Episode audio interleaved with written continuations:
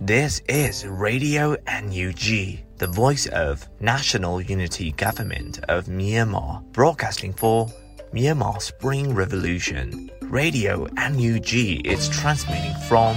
shortwave 16 meter 17.79 megahertz at 8:30 a.m. and 25 meter 11.94 megahertz at 8:30 p.m. Myanmar Standard Time. မင်္ဂလာပါခင်ဗျာ အမျိုးသားညီညွတ်ရေးအစိုးရရဲ့အတန်လွင့်ဌာန Radio NUG ကိုမနက်ပိုင်း၈နာရီခွဲမှာလိုင်းတို16မီတာ7.3 MHz ညပိုင်း၈နာရီခွဲမှာလိုင်းတို25မီတာ17.6 MHz တို့မှာဓာတ်ရိုက်ဖမ်းယူနိုင်နိုင်ပါပြီမင်္ဂလာအပေါင်းနဲ့ပြည့်စုံကြပါစေအခုချိန်ကစပြီး Radio NUG အစီအစဉ်တွေကိုဓာတ်ရိုက်အတန်လွှင့်ပေးနေပါပြီ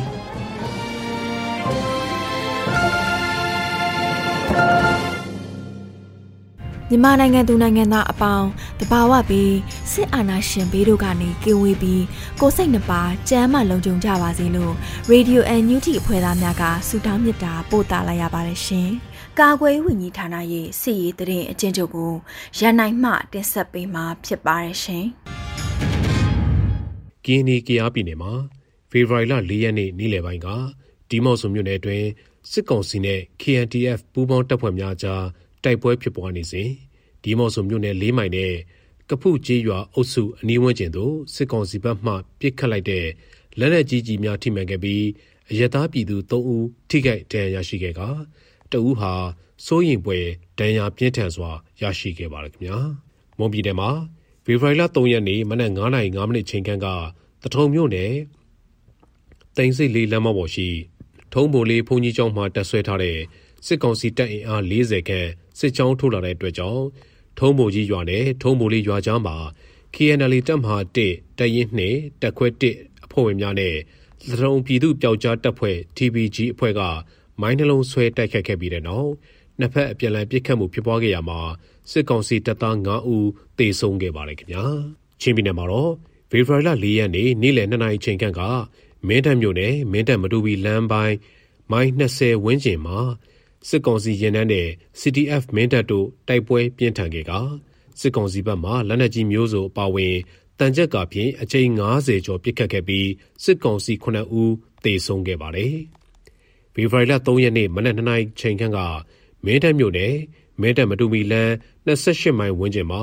စစ်ကောင်စီရင်နှန်းတဲ့ CTF မင်းတပ်တို့တိုက်ပွဲဖြစ်ပွားခဲ့ရာ စစ်ကောင်စီဘက်မှအကြဆုံးများပြားခဲ့ပြီး CTF မင်းတပ်မှရဲဘော်တူဒဏ်ရာရရှိခဲ့တယ်လို့သိရှိရပါတယ်ခင်ဗျာ။စကိုင်းတိုင်းမှာတော့ဖေဖော်ဝါရီလ3ရက်နေ့မနေ့6နိုင်ချိန်ခန့်ကစလင်းကြီးမြို့ရဲစခန်းကိုမုံရွာ Phoenix Warrior ချင်းတွင်းကလုံလကားနဲ့ Triple 2ပူးပေါင်းဖွဲ့တို့ကဘုံနဲ့တိုက်ခတ်ခဲ့ကြပါတယ်ခင်ဗျာ။မန္တလေးတိုင်းမှာဖေဖော်ဝါရီလ4ရက်နေ့မနက်ပိုင်းကနထိုးကြီးမြို့နယ်မှာစစ်ကောင်စီကားနှစ်စီးကို ဒေသကာကွယ်ရေးအဖွဲ့က မိုင်းဆွဲတိုက်ခိုက်ခဲ့ကကားနှစ်စီးစလုံး ပျက်စီးခဲ့ပါတယ်။ဖေဖော်ဝါရီလ3ရက်နေ့ နေ့လယ်တနာရီချိန်ခန့်ကမရယာမြို့နယ်တရကန်းကြီးရွာမနယ်တောင်ပြုံးကြီးရွာတို့အား စစ်ကောင်စီများ ဝင်ရောက်ခဲ့ပြီး အပြန်လမ်းမှာမရယာပြည်သူ့ကာကွယ်ရေးတပ်မှ မိုင်းဆွဲတိုက်ခိုက်ခဲ့ရမှာ စစ်ကောင်စီများ ထိခိုက်ဒေဆုံးမှု ရှိခဲ့ပါတယ်။မိုင်းဆွဲခင်ရပြီးတဲ့နောက် စစ်ကောင်စီများမှ တနက်နဲ့ရန်လန်ပြစ်ခတ်မှုတွေကြောင့်၉နှစ်ရွယ်ကလေးတဦးနေရာမှာပဲသေဆုံးသွားခဲ့ပြီးမိခင်ဖြစ်သူမှာဘိုက်ကိုရှက်ပြီးတော့ထိမှန်ခဲ့ကပြည်သူတို့မှလည်းတနက်ထိမှန်မဆုံးရင်ရတဲ့ဒဏ်ရာရရှိခဲ့ပါတယ်ခင်ဗျာမကွေးတိုင်းမှာဖေဖော်ဝါရီလ၄ရက်နေ့ကမနက်၄နာရီအထိပြည်သူ့ကာကွယ်ရေးဆောနဲ့ YDF ပူးပေါင်းတပ်များကဆောပြုတ်နယ်ရှိရဲစခန်းကိုလက်နက်ကြီးနဲ့ပစ်ခတ်ကစစ်ကောင်စီရဲ့မြို့နယ်အဆင့်ရှိဌာန9ခုကို ပြစ်မှတ်ထားတိုက်ခိုက်ခဲ့ကြပါတယ်ခင်ဗျာရန်ကုန်တိုင်းမှာတော့ဖေဖော်ဝါရီလ3ရက်နေ့ည9:00နာရီချိန်ခန့်ကလှိုင်သာယာမြို့နယ်မှာပန်းလှိုင်အင်ယာဘက်ကိုဦးတည်ပြီးကင်းလှည့်နေတဲ့စစ်ကောင်စီရင်နှန်းကို HRDF အဖွဲ့ကပရိသာမိုင်းသုံးလုံးနဲ့စောင့်ကြိုတိုက်ခတ်ခဲ့ရမှာစစ်ကောင်စီတပ်သားများဖျို့ဖျဲနဲ့ထွက်ပြေးခဲ့တယ်လို့သိရှိရပါတယ်။ HRDF ဖွဲ့ကစစ်တပ်ထုတ်ကုန်များရောင်းချနေတဲ့အရက်ဘီယာအေဂျင့်ဆိုင်များနဲ့စားသောက်ဆိုင်များကိုလည်း နောက်ဆုံးအနေနဲ့စစ်တပ်ထုတ်ကုန်များအားမယောင်းချတော့ဖို့သတိပေးချက်ထုတ်ပြန်ထားပါတယ်။ဖေဖော်ဝါရီလ3ရက်နေ့ညနေ6:35မိနစ်ချိန်ကကခရမ်းမြို့နယ်တက္ကလမြို့နယ်ခရမ်းမြို့ကြားရှိဇွဲတွန်စစ်စေးဂိတ်ကိုခရမ်းပြည်သူ့ကာကွယ်တပ်ဖွဲ့မှလက်နက်ကြီးနဲ့ပစ်ခတ်တိုက်ခိုက်ခဲ့တယ်လို့သိရှိရပါတယ်။ဖေဖော်ဝါရီလ3ရက်နေ့ည9:30မိနစ်30ချိန်ခန့်ကမင်္ဂလာရုံလေတပ်ဝင်းကိုဘုံသီးလောင်ချသုံးလုံးနဲ့ MO8 အဖွဲ့က ပြစ်ခတ်တိုက်ခိုက်ခဲ့တယ်လို့သိရှိရပါတယ်ခင်ဗျာ။တင်းနေတိုင်းတိုင်းမှာဖေဖော်ဝါရီလ3ရက်နေ့မနက်ပိုင်းကပလောမြို့နယ်ရှိ KNU ထိန်းချုပ်နယ်မြေစားခဲကျေးရွာဝန်းကျင်မှာစစ်ကောင်စီတပ်နဲ့ KNLA ပြည်သူ့ကာကွယ်ရေးတပ် PDF ပူးပေါင်းတပ်တို့တိုက်ပွဲဖြစ်ပွားခဲ့ရာစစ်ကောင်စီတပ်သား6ဦးသေဆုံးခဲ့ပြီး10ဦးဒဏ်ရာရရှိကပြည်သူ့ကာကွယ်ရေးရဲဘော်2ဦးကြာဆုံးခဲ့ရပါတယ်။ဇန်နဝါရီလ3ရက်နေ့နေ့လယ်12:20မိနစ်20အချိန်ခန့်ကမြိတ်မြို့နယ် မြိတ်ကနန်းကျုံးမော်အနီးရေချောင်းနဲ့ကင်းလှည့်နေတဲ့စစ်ကောင်စီတပ်သား3ဦးပါတဲ့လှေကိုပြည်သူ့ကာကွယ်ရေးတပ်ဖွဲ့မြိတ်ကတိုက်ခိုက်ခဲ့ရမှာစစ်ကောင်စီတပ်သား2ဦးသေဆုံးပြီးတဦးမှာပြင်းထန်ဒဏ်ရာရရှိခဲ့တယ်လို့သိရှိရပါတယ်ခင်ဗျာဆက်လက်ပြီးတော့စစ်ကောင်စီကကျူးလွန်တဲ့ရာဇဝတ်မှုများကိုလည်းတင်ဆက်ပေးပါဦးမယ်ကရင်နီကရားပြည်နယ်မှာဖေဖော်ဝါရီလ4ရက်နေ့မနက်7:00နာရီချိန်ခန့်ကဒီမော့ဆိုမြို့နယ်နောင်ပလဲကြီးရွာအုပ်စုစစ်ဘေးရှောင်နေရများမှာ စစ်ကောင်စီရဲ့120မမလက်နက်ကြီး9လုံးခန့်ကြောက်ရောက်ခဲ့တဲ့အတွက်ဖះเจ้าက2စီးနဲ့လူနေအိမ်နှလုံးပျက်စီးကပြည်သူ၄ဦးထိခိုက်ဒဏ်ရာရရှိခဲ့တယ်လို့သိရှိရပါတယ်ခင်ဗျာ။စကိုင်းတိုင်းမှာတော့ဖေဖော်ဝါရီလ၄ရက်နေ့နေ့လယ်တနာရီချိန်ခန့်ကကမ်ဘလူမျိုးနယ်ကိုတောင်ပုကျေးရွာဘုံကြီးကျောင်းမှာတပ်ဆွဲထားတဲ့စစ်ကောင်စီတပ်သားများကကျေးရွာတွင်ကိုလက်နက်ကြီးများနဲ့ရန်တမ်းပစ်ခတ်မှုကြောင့်စစ်ဘေးရှောင်9ဦးထိခိုက်ဒဏ်ရာရရှိခဲ့ပြီး အရေးပေါ်အခြေအနေဖြစ်ပြီးဆေးကုသမှုခံယူနေခဲ့ရပါတယ်။ဖေဖော်ဝါရီလ3ရက်နေ့နေ့လယ်12:30မိနစ်30ချိန်ခန့်ကမြင်းမှုမြို့နယ်နဘဲကျူးကျေးရွာမကြီးကန်ကျေးရွာနဲ့မဒူရကျေးရွာကိုဝင်ရောက်ခဲ့တဲ့စစ်ကောင်စီတပ်သားများကလမ်းပြဖြစ်ဖမ်းဆီးလာခဲ့တဲ့ညာမီဝန်းကျေးရွာမှကိုကျော်မင်းထွန်းကိုကျော်သူအောင်ကိုကျော်မင်းနိုင်နဲ့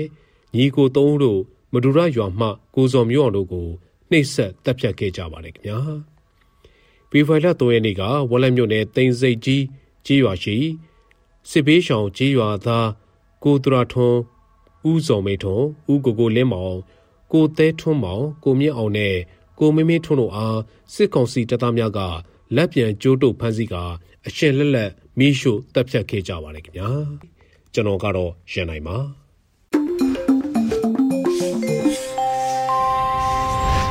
ရေဒီယို NUG မှဆက်လက်အတန်းလွှင့်နေပါတယ်။အခုဆက်လက်ပြီးနောက်ဆုံးရသတင်းများကိုຫນွေဦးမိုးမှတင်ဆက်ပေးမှာဖြစ်ပါတယ်ရှင်။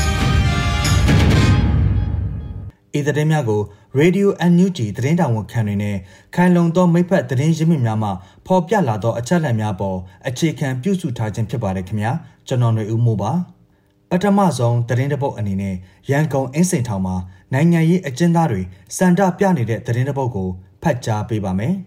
စစ်တပ်ကမတရားအာဏာသိမ်းတာတစ်နှစ်ပြည့်ပြီဖြစ်တဲ့ဖေဖော်ဝါရီလ၁ရက်နေ့မှာအတန်တိတ်တပိတ်ကိုမြန်မာပြည်တဝန်းလုံးဆင်နွှဲခဲ့ကြပြီးရန်ကုန်အင်းစိန်ထောင်မှာနိုင်ငံရေးယုံကြည်ချက်ကြောင့်ဖမ်းခံထားရသူတွေကလည်းထောင်တွင်းဆန္ဒပြပွဲတွေကိုနှီးမျိုးစုံနဲ့ပြုလုပ်နေကြတယ်လို့ကြားသိရပါတယ်။နိုင်ငံရေးအကျဉ်းသား150နီးပါးဟာအာဏာသိမ်းတစ်နှစ်ပြည့်ဖေဖော်ဝါရီလ1ရက်နေ့ကစလို့ ဖေဖော်ဝါရီလ4ရက်နေ့အထိထောင်ထမင်းဟင်းတွေကိုမစားဘဲအနုနီးနဲ့စန္ဒပြနေတယ်လို့ RFA သတင်းဌာနမှတဆင့်သိရပါတယ်။စစ်အာဏာရှင်တွေရဲ့မတရားမှုကိုထောင်တွင်းရောက်နေသည့်အထိအငြိမ်မနေဘဲစန့်ကျင်တဲ့အနေနဲ့ထောင်ကပေးတဲ့ထမင်းဟင်းတွေကိုမစားဘူးကိုပိုင်ရိတ်ခါကြောင့်အနှဲငယ်ကိုသာစားပြီးအသက်ဆက်နေတဲ့အကြောင်းအမိမဖော်လို့တဲ့ရှစ်နေတူကပြောပြသွားတာပါထောင်နဲ့နီးစပ်တဲ့သတင်းများအရာအဆိုပါထောင်တွင်းက ထောင်ထမင်းဟင်းမစားတဲ့အနုနီဆန္ဒပြပွဲတွေကိုအတန်တိတ်တပိတ်နိကအတူစခဲ့တာဖြစ်ပြီးဘယ်နေရကြသည့်အထိ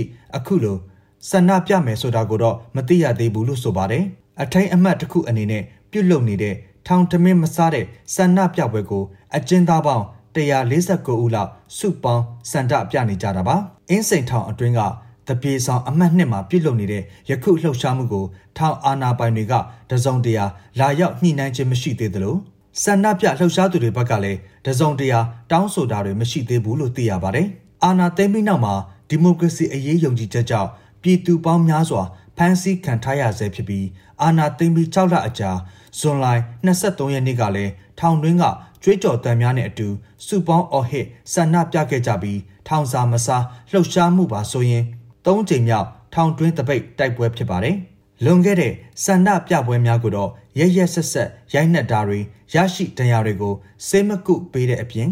တိုက်ပိတ်တဲ့ပြစ်ဒဏ်များကိုခံခဲ့ရတယ်လို့ထောင်ကျအကျဉ်းသားမိသားစုများထံမှသိရှိရပါတယ်။ထောင်တွင်းဖြစ်ပေါ်နေတဲ့ထောင်စာမစားလှုပ်ရှားမှုစန္ဒပြပွဲနဲ့ပတ်သက်ပြီးအကျဉ်းဦးစီးဌာနပြောရေးဆိုခွင့်ရှိသူဦးခင်ရွှေကတော့ ဒီသတင်းမဟုတ်ဘူးမရှိဘူးလို့ညင်းဆိုထားပါတယ်။အာနာသိမ့်ခံရပြီးခုနှစ်လကြာဖမ်းဆီးခံခဲ့ရပြီးနောက်ပြန်လည်လွတ်မြောက်လာသူနိုင်ငံရေးအကျဉ်းသားဟောင်းတဦးကတော့သူ့ရဲ့အမြင်ကိုအခုလိုပြောပြပါတယ်။ထောင်တွင်းဆန္ဒပြတိုက်ပွဲဆိုတာစပြီးဆိုကြတဲ့ကကျွန်တော်တို့မှာရင်းစရာအသက်ပဲရှိတာကိုဘာလက်နက်မှရှိတာမဟုတ်ဘူးကျွန်တော်တို့တခုခုစုပေါင်းလှုပ်ရှားတပိတ်တိုက်ပွဲလုပ်မယ်ဆိုရင် ကျွန်တော်တို့မှာရင်းစရာကအသက်ပဲရှိတယ်။ဒါကြောင့်မို့ဒီဟာကိုပိုင်းဖြတ်မှုကြီးကြီးကြီးမားမားရှိမှသာတိုက်လို့ရမယ့်ဟာမျိုးပေါ့လို့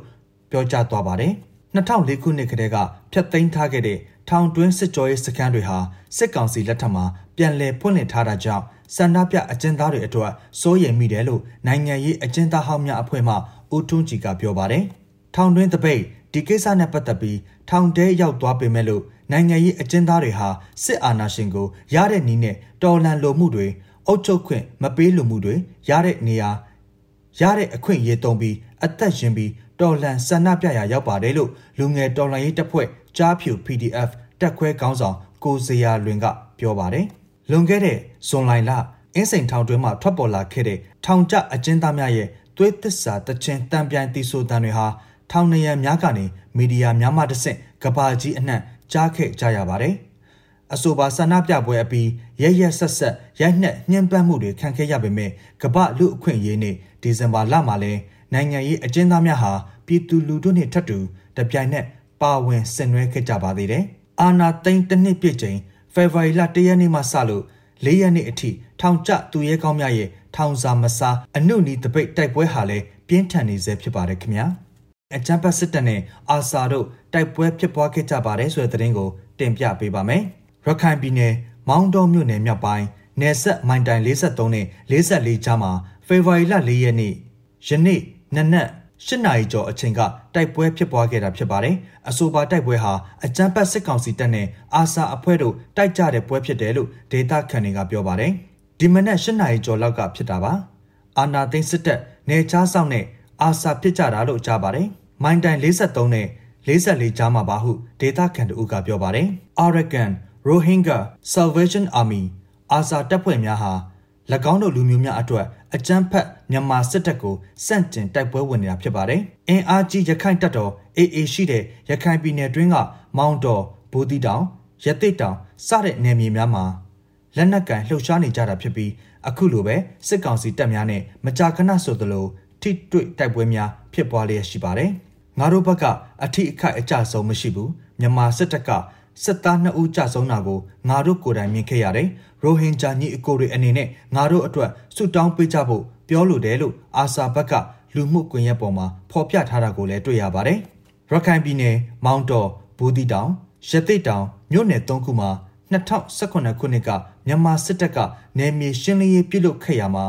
လူမျိုးတုံးတပ်ဖြတ်မှုပြဿနာများဖြစ်ပွားခဲ့ပြီး ရိုဟင်ဂျာ9သိန်းနီးပါးတစ်ဖက်နိုင်ငံသို့ထွက်ပြေးခဲ့ကြရပါတယ်။အဆိုပါလုပ်ရကြောင်းမြန်မာအစိုးရကိုနိုင်ငံတကာတရားရုံး ICJ မှာတရားစွဲဆိုထားရာလာမယ့်ဖေဖော်ဝါရီလ22ရက်နေ့မှ28ရက်နေ့အထိဒုတိယအကြိမ်ကြားနာရန်ရှိနေပါတယ်။မြန်မာစစ်တပ်ကအကြမ်းဖက်အာဏာသိမ်းခဲ့ပြီးနောက်ပိုင်းနိုဝင်ဘာလ9ရက်9ရက်နဲ့17ရက်များတွင်လည်းအကြမ်းဖက်စစ်ကောင်စီတပ်နှင့်အာရကန်ရိုဟင်ဂျာကက်တင်ရေးတပ်မတော် အာဆာဂျာတိုက်ပွဲများဖြစ်ပွားပြီးစစ်ကောင်စီတပ်မှ10ဦးထပ်မံတေဆုံးကအာဆာဘက်မှတအူးတေဆုံးတအူးဒဏ်ရာရတယ်လို့အာဆာဘက်ကသတင်းထုတ်ပြန်ထားပါတယ်။ရခိုင်တပ်တော် AA နဲ့မကြာခဏစစ်ရေးတင်းမာမှုဖြစ်ပေါ်နေစေဖြစ်ပြီးအာနာသိန်းစစ်တပ်ကလည်း AA ရဲ့နေမြေစိုးမိုးရေးတွေကိုဟန်တားနိုင်ဖို့ရခိုင်ပြည်နယ်အတွင်းပြင်ဆင်နေချိန်ကာလမှာခုလိုအာဆာတပ်ဖွဲ့ဝင်များနဲ့အာနာသိန်းစစ်တပ်နှစ်ဖက်တိုက်ပွဲများပြန်လည်ပေါ်ပေါက်လာခြင်းဖြစ်ပါတယ်ခင်ဗျာ။နောက်ဆုံးသတင်းတပုတ်အနေနဲ့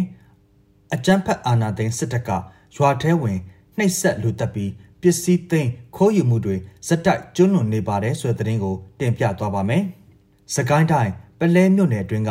မင်းတိုင်မင်းကျေးရွာကိုအာဏာသိမ်းစစ်တပ်အင်အားအလုံးအရင်နဲ့ဝင်ရောက်လာပြီးလူသက်ပစ္စည်းသိမ်းယူမှုတွေကျွလွန်ခဲ့ကြပါတယ်။ပလဲကန့်ကောလမ်းဘေးမှာရှိတဲ့မင်းတိုင်မင်ကျေးရွာကိုစစ်ကောင်စီတပ်တွေဖေဖော်ဝါရီ3ရက်ကစပြီးဝင်ရောက်ခဲ့ပြီး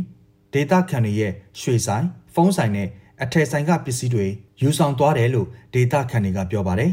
စစ်ကောင်စီတပ်သားများကမင်းတိုင်မင်ရွာကိုဖျက်သွားတဲ့ခရီးသွားပြည်သူတွေရဲ့ကားဆိုင်ကယ်တွေကိုတားပြီးတော့ဓမြတိုက်တယ်လို့ဖုန်းတွေပတ်စံတွေတင်းယူနေခဲ့တာပါဆိုင်တဲကပစ္စည်းတွေကိုကားနဲ့ပါတက်ယူတာရွှေဆိုင်ကတော်တော်တန်ဖိုးများများပါသွားတယ်ဖုန်းဆိုင်နဲ့အထည်ဆိုင်တွေဆိုကားနဲ့ထိုးတယ်တယ်အိမ်တော်တော်များများကိုလည်းမှွေပြီးတန်မိုးကြီးတာတွေအကုန်ရှာယူသွားတယ် ရွာထဲရုတ်တရက်ဝင်လာတော့မပြေးနိုင်တဲ့ရွာသား100လောက်ကိုဖေဖော်ဝါရီ၄ရက်ထိဖုန်ကြီးကျောင်းထဲပိတ်ဖမ်းထားတာမနေ့ညကလည်းတညလုံးရိုက်နှက်စစ်တာတွေလုပ်တယ်ရွာအနောက်ဖျားမှာတော့ရွာသား3ယောက်ကိုတော့ပြစ်တက်ခဲ့တာ2ယောက်ကတော့အင်းကန်ရွာသားနောက်ထပ်1ယောက်ကတော့ဘယ်ကလည်းမသိဘူးလို့ဒေသခံတွေကပြောပါတယ်အာနာသိန်းစစ်ကောင်စီတပ်ဖွဲ့များပြစ်တက်ခဲ့သူ3ဦးထက်က2ဦးမှာအင်းကန်ရွာသားဖြစ်ပြီးတဦးကတော့ဘယ်စာတိကမှန်မသိရကြောင်းသတင်းများကဖော်ပြပါတယ်။ အကြမ်းဖက်တပ်နဲ့လက်အောက်ခံပြူစောတိတပ်တွေဟာအဆိုပါလူသက်ဓမြတိုက်မှုမျိုးမကျူးလွန်ခင်မှာတွေ့ရလူပေါင်း50လောက်ထိဖမ်းထားပြီးစာတင်ကျောင်းတွေနေရာယူကလူသားဒိုင်းတပွဲလဲအကအကွယ်ယူခဲ့ပါတယ်။အာနာသိန်းအကြမ်းဖက်စစ်တပ်ကိုရရလက်နက်ဖြင့်စုဖွဲ့တော်လှန်နေကြတဲ့ဒေသများတွင်ထင်ရှားတဲ့ပလဲမြို့နယ်ပြည်သူဗတ်တော်သားများအတွက်မင်းတိုင်ပင်ရွာဟာမုံရွာမြို့ချင်းတွင်းမြစ်အနောက်ဘက်ကမ်းဒေသရဲ့ အားအထားရဆုံးရွာတွေထက်ကတရွာဖြစ်တာကြောင့်အခုလိုအညိုတကြီးနဲ့ရဲရဲဆက်ဆက်ကျိုးလွန်တာဖြစ်တယ်လို့ဒေသခံတွေကသုံးသပ်ပြောဆိုကြပါတယ်။အိမ်တွေကိုမီးရှို့မယ်ဆိုပြီးဓာတ်စီတွေလောင်းတယ်ပြီးတော့အိမ်ထဲရှိတဲ့ပစ္စည်းတွေဝင်ယူတယ်ရဲခါတွေတန်မိုးရှိတဲ့ဟာတွေသူတို့ကြိုက်တဲ့ပစ္စည်းတွေဆိုရင်အကုန်ယူတာကားနဲ့ကိုတည်သွားတာပြည်သူတွေလည်းထွက်ပြေးနေကြရတယ်လို့ဒေသခံတို့ကပြောပါတယ်။မင်းတိုင်ပင်ရွာသားတရားနီးပါးဟာ စာတင်ကျောင်းထဲမှာအကြမ်းဖက်စစ်တပ်ရဲ့ဖမ်းဆီးနှိပ်စက်ခံနေရပြီးကျောင်းအနီးမှာရှိတဲ့ရေစင်ပေါ်ကနေစနိုက်ပါလက်နက်ကြီးတွေနဲ့ချိန်ပြီးအကအကွယ်ယူခဲ့ကြတယ်လို့လည်းဆိုပါတယ်။အာနာသိန်းအကြမ်းဖက်စစ်တပ်ဟာမွေတုံရွာပန်းရွာတွေကိုမိရှို့ဖျက်ဆီးခဲ့ပြီးအချုပ်ရွာတွေဆိုရင်မိရှို့ဖျက်ဆီးတာမခံရအောင်အကြမ်းဖက်စစ်တပ်ကိုငွေပေးရတာတွေရှိနေတယ်လို့သတင်းရရှိပါတယ်ခင်ဗျာ။ရှောင်လွဲလို့မရတော့တဲ့အစုံအာနာသိန်းစစ်တပ်ကိုရင်ဆိုင်ဖို့ တိုက်ပွဲဝင်နေကြတဲ့သကိုင်းတိုင်းအတွင်းကရွာများဟာအခုဆိုရင်အကြမ်းဖက်စစ်တပ်ရဲ့လူမဆန်တဲ့နီလန်ပေါင်းစုံနဲ့ရက်ဆက်မှုတွေကိုကြန့်ကြန့်ခိုင်ရင်ဆိုင်နေကြရပါတယ်။တာလွန်အင်အားလက်နက်ကြီးအားကိုပြူစောတိအားကိုတွေ့ရမြင်ရလူဖမ်းဆီးပြီးလူသားတိုင်းအဖြစ်အကအကွယ်ယူခြင်းမတင်ကားရင်တက်ဖြတ်ခြင်းရွာမီးရှို့ခြင်းပစ္စည်းလူရဲ့တင်ယူခြင်းစသည့်နီလန်ပေါင်းစုံသုံးကအာနာသိန်းစစ်တပ်ဟာပြည်သူလူထုရဲ့တော်လှန်ရေးကို စစ်ရာဇဝမှုဖြစ်တံပြန်နေတာပဲဖြစ်ပါတယ်ခင်ဗျာကျွန်တော်ຫນွေဦးမိုးပါ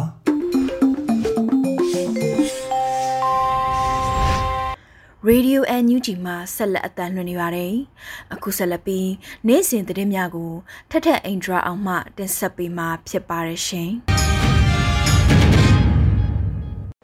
ပထမဆုံးတင်ဆက်ပေးမှာကတော့မိရှုတက်တည်ပြီးဆန္ဒပြခဲ့တဲ့ကိုအောင်မြင့်မြတ်အပါအဝင်ကြာဆုံးခဲ့ရတဲ့ပြည်သူတွေအလုံးအတွက်ဆရာနာရှင်စနစ်အပိတိုင်ဖယ်ရှားရေးအစွမ်းကုန်လှုံ့ဆော်သွားမယ်လို့အမျိုးသားညီညွတ်ရေးအစိုးရပြောကြားလိုက်တဲ့ဆိုတဲ့သတင်းမှာ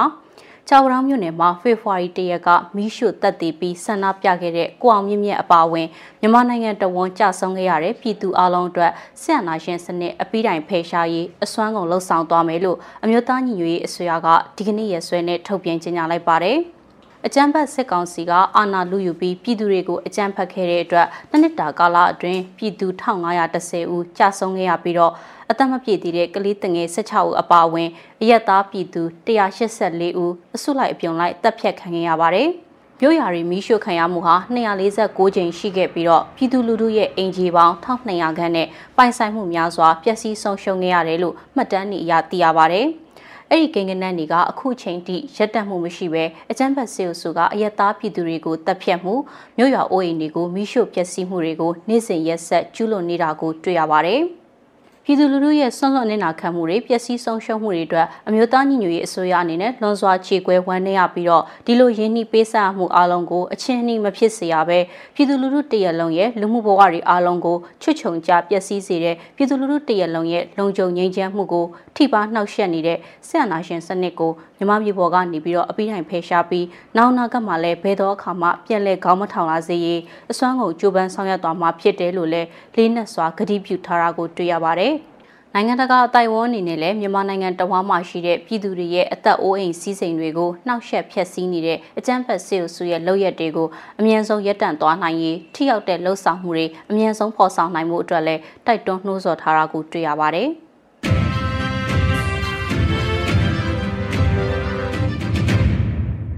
ဆက်လက်ပြီးစီဒီယန်ဝန်ထမ်းတွေကိုဖိနှိပ်မှုလုပ်နေတဲ့ပညာရေးဝန်ကြီးဌာနကနမ်စီဒီယန်ဝန်ထမ်းတွေကိုတပ်တည်အပြည့်အစုံနဲ့တရားစွဲဖို့အမျိုးသားညီညွတ်ရေးအစိုးရပညာရေးဝန်ကြီးဌာနကလှုံ့ဆော်နေတဲ့ဆိုတဲ့သတင်းကိုတင်ဆက်ပေးပါမယ်။အကြံဖတ်စစ်ကောင်စီလက်မှာအလုံးမလုံးပဲပြည်သူနဲ့အတူရက်တည်ဖို့ CDN ပြုလုပ်လာတဲ့ဝန်ထမ်းတွေကိုဖိနှိပ်မှုတွေလုပ်နေတဲ့ပညာရေးဝန်ကြီးဌာနရဲ့နမ် CDN အရာရှိဝန်ထမ်းတွေကိုတရားစွဲဆိုနိုင်ဖို့အတွက် အတန်တက်သည်စာတက်သည်အပြည့်အစုံရှိတယ်လို့အမျိုးသားညီညွတ်ရေးအစိုးရပညာရေးဝန်ကြီးဌာနပြည်ထောင်စုဝန်ကြီးဒေါက်တာဇော်ဝေဆိုကအသိပေးထုတ်ပြန်လိုက်တာပါ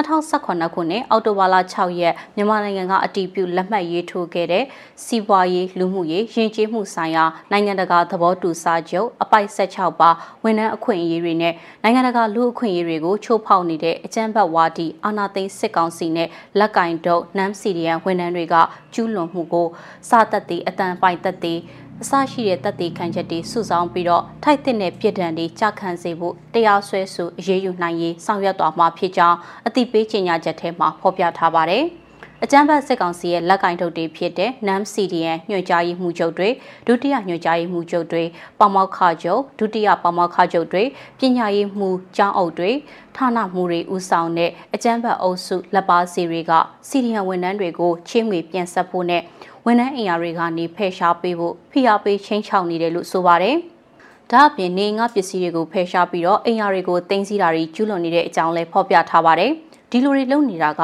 ငြိမ်းချမ်းစွာအကြမ်းမဖက်အာဏာဖီဆန်ရေးလှုပ်ရှားမှုကိုဖျက်ပြားစေဖို့ရည်ရွယ်ချက်ရှိရှိအတင်းအကျပ်လှုံ့ဆော်နေတာလို့လည်းထောက်ပြထားပါတယ်။ပြည်သူဝန်ထမ်းတွေရဲ့ရှင်တန်ရက်တီခွင့်နဲ့အတူလူလုံခြုံရေးပစ္စည်းလုံခြုံရေးတွေအပေါ်ထိခိုက်နေတာစီဖို့လှုံ့ဆော်ချက်တွေကကမ္ဘာလူအခွင့်အရေးကြီးညာစာတမ်းမှာပါတဲ့အခြေခံလူအခွင့်အရေးတွေဖြစ်တဲ့လွတ်လပ်စွာရှင်တန်ခွင့်အပိုက်3ညှဉ်းပန်းနှိပ်စက်ခြင်းမှကင်းလွတ်ခွင့်အပိုက်9 ပုတ်ကွေရေးဆိုင်ရာလွတ်လပ်ပိုင်ခွင့်အပိုက်ဆက်နှင့်ပစ္စည်းဥစ္စာပိုင်ဆိုင်ပိုင်ခွင့်အပိုက်ဆက်ခွန်တို့အားချိုးဖောက်တာချိုးဖောက်ကျူးလွန်ရမှာအားပေးနေတာတွေဖြစ်တယ်လို့လည်းထုတ်ပြန်ချက်မှာဖော်ပြထားပါတယ်။ ပြည်ထောင်စုသမ္မတမြန်မာနိုင်ငံတော်အမျိုးသားညီညွတ်ရေးအစိုးရပညာရေးဝန်ကြီးဌာနအနေနဲ့ပြည်သူ့အာဏာဖီဆန်ရေးလှုပ်ရှားမှု CDM ပြုလုပ်နေကြတဲ့ဆရာဆရာမဝန်ထမ်းတွေရဲ့လူမှုဖူလုံရေးလုံခြုံရေးနဲ့တရားမျှတမှုရရှိရေးတို့အတွက်အမြင့်မပြတ်အလေးပေးဆောင်ရွက်နေတယ်လို့လည်းထုတ်ပြန်ချက်မှာဖော်ပြထားတာကိုတွေ့ရပါတယ်။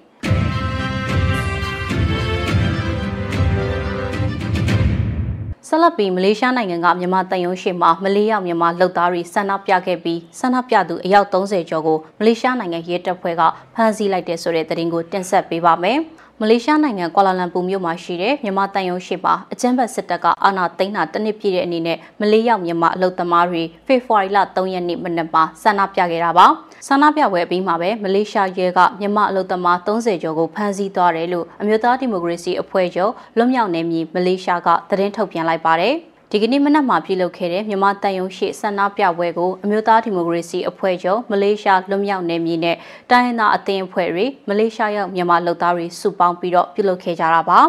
အကြမ်းဖက်စစ်တပ်ရဲ့အာဏာသိမ်းခံရခြင်းတစ်နှစ်ပြည့်ဝမ်းနည်းပွဲအထိမ်းအမှတ်ဆန္ဒဖော်ထုတ်ပွဲကိုအေဂျင့်စွာပြုလုပ်ခဲ့ပေမဲ့လည်းမလေးရှားရဲတပ်ဖွဲ့ကဘာကြောင့်ဖမ်းဆီးသွားတယ်လဲဆိုတာကိုမသိရသေးတာလို့ဆိုပါတယ်။ လက်ရှိချိန်ဒီမှာတော့ဖမ်းဆီးသွားသူတွေနဲ့ဖုန်းအဆက်အသွယ်မရသေးဘူးလို့လည်းအမျိုးသားဒီမိုကရေစီအဖွဲ့ချုပ်လွတ်မြောက်နယ်မြေမလေးရှားကပြောကြားထားတာကိုတွေ့ရပါတယ်။ကျေးဇူးတင်ပါတယ်ရှင်။ Radio NUG မှာဆက်လက်အသံလွှင့်နေပါတယ်။အခုဆက်လက်ပြီးတိုင်းရင်းသားဘာသာစကားအစီအစဉ်နေနဲ့ဂျိုးချင်းဘာသာစကားခွဲတစ်ခုဖြစ်တဲ့ဒိုင်းဘာသာစကားဖြင့်တည်င်းထုတ်လွှင့်မှုကိုတင်ဆက်ပေးမှာဖြစ်ပါတယ်ရှင်။ဒီအစီအစဉ်ကို Radio NUG နဲ့ဂျိုးချင်းဘာသာစကားထုတ်လွှင့်မှုအစီအစဉ်အဖွဲ့တို့မှပူးပေါင်းထုတ်လွှင့်တာဖြစ်ပါတယ်ရှင်။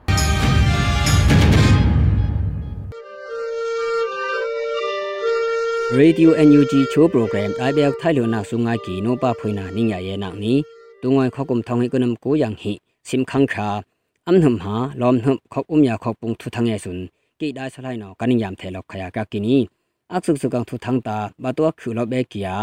se sa ya kang ton chun cdf min ta no ani tu u tia thanga ka kini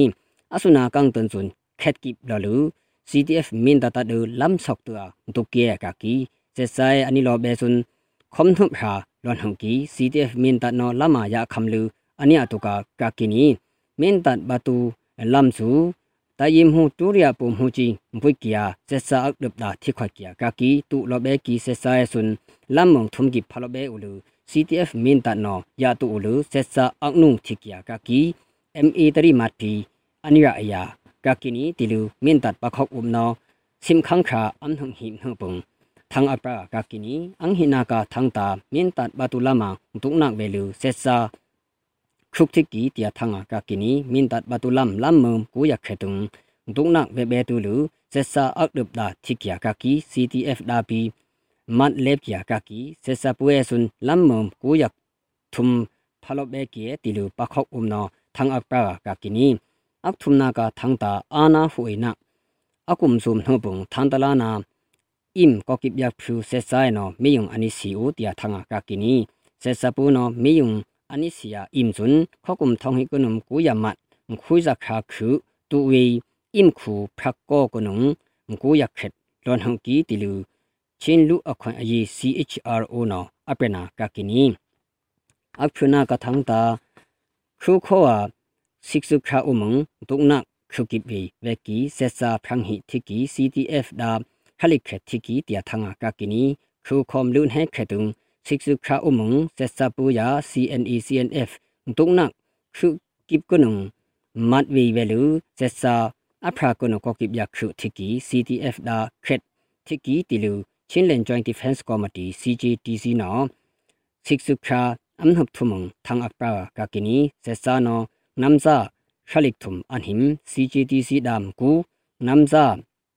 ဟလိမဟာလေပကီအနိပုစေဆိုင်ဒါခုကိဗျခက်လေပကီခောကုမ်ထောင်ဟီကနုံကူယမတ်ဖက်ခာအမ်ဟုဟလိဖျာခုခိင်ခါဗေယမင်းတမ်လူအာဒုကနာအဖရာကနခက်ကိဗျခုဝေလောက်ကီယာကကိနီအမ်ဟာနာကသန်တာမင်းဒတ်ကောကွန်ဒုကနာကုံစေစပူအာစုံပရန်နာဆလံပူပရကီတယာသငါကကိနီနွေဦးတော်လန်ကြီးကာလာအံခူခောနောအောက်တမ်ဘောက် တုံနာတွန်အီလူမင်းတကောကွန်တုံနာကုံဇက်ဆပူအဆုံပရန်နာအင်ထနေတုံပူပရာလောက်ကီကာကီအဆုနန်တုံနာမင်းတနောတူမောင်ဆုံအီလူတုကီကာကီပူပပူပကီဆလာငုံစီချောင်းဟုအန်ဝိုင်မတ်တချာချင်းဟိပုကီယာဇက်ဆာကောတိကီကာကီလေပီယုံပိုချိဖြုံပုကီတီလူဟုနာဝက်ကီကာကီနီအဆုန်ကနာအနိစုံနာ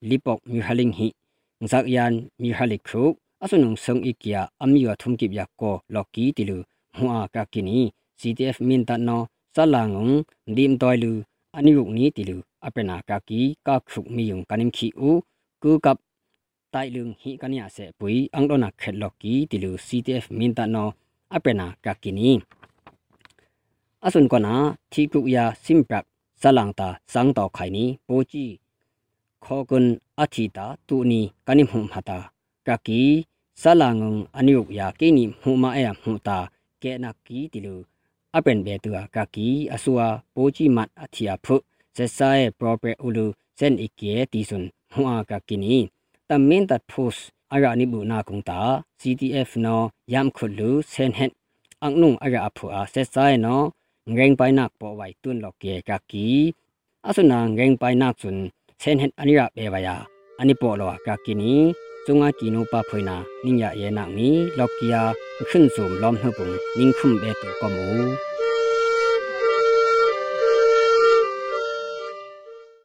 ဒီကနေ့ကတော့ဒီညနေပဲ Radio NUG ရဲ့အစည်းအဝေးကိုခਿੱတရရနိုင်ပါမယ်။ မြန်မာစံတော်ချိန်မနက်၈နာရီခွဲနဲ့ည၈နာရီခွဲအချိန်တွေမှာပြန်လည်ဆုံးဖြတ်ကြပါစို့။ Radio NUG ကိုမနက်ပိုင်း၈နာရီခွဲမှာလိုင်းဒို16မီတာစက္ကန့်တသမ9 MHz ညပိုင်း၈နာရီခွဲမှာလိုင်းဒို25မီတာ17သမ6 MHz တို့မှာဓာတ်ရိုက်ဖမ်းယူနိုင်ပါပြီ။မြန်မာနိုင်ငံသူနိုင်ငံသားများကိုစိတ်နှပြကျန်းမာချမ်းသာလို့ဘေးကင်းလုံခြုံကြပါစေလို့ Radio NUG အဖွဲ့သူအဖွဲ့သားများကဆုတောင်းလိုက်ရပါတယ်။အမျိုးသားညီညွတ်ရေးအစိုးရရဲ့စက်သွေးရေးတရင်အချက်အလက်နဲ့ဤပညာဝန်ကြီးဌာနကထုတ်လွှင့်နေတဲ့ Radio NUG ဖြစ်ပါတယ်။ San Francisco Bay Area အခြေစိုက်မြန်မာမိသားစုများနဲ့နိုင်ငံတကာကစေတနာရှင်များလှုပ်အားပေးများရဲ့ Radio NUG ဖြစ်ပါတယ်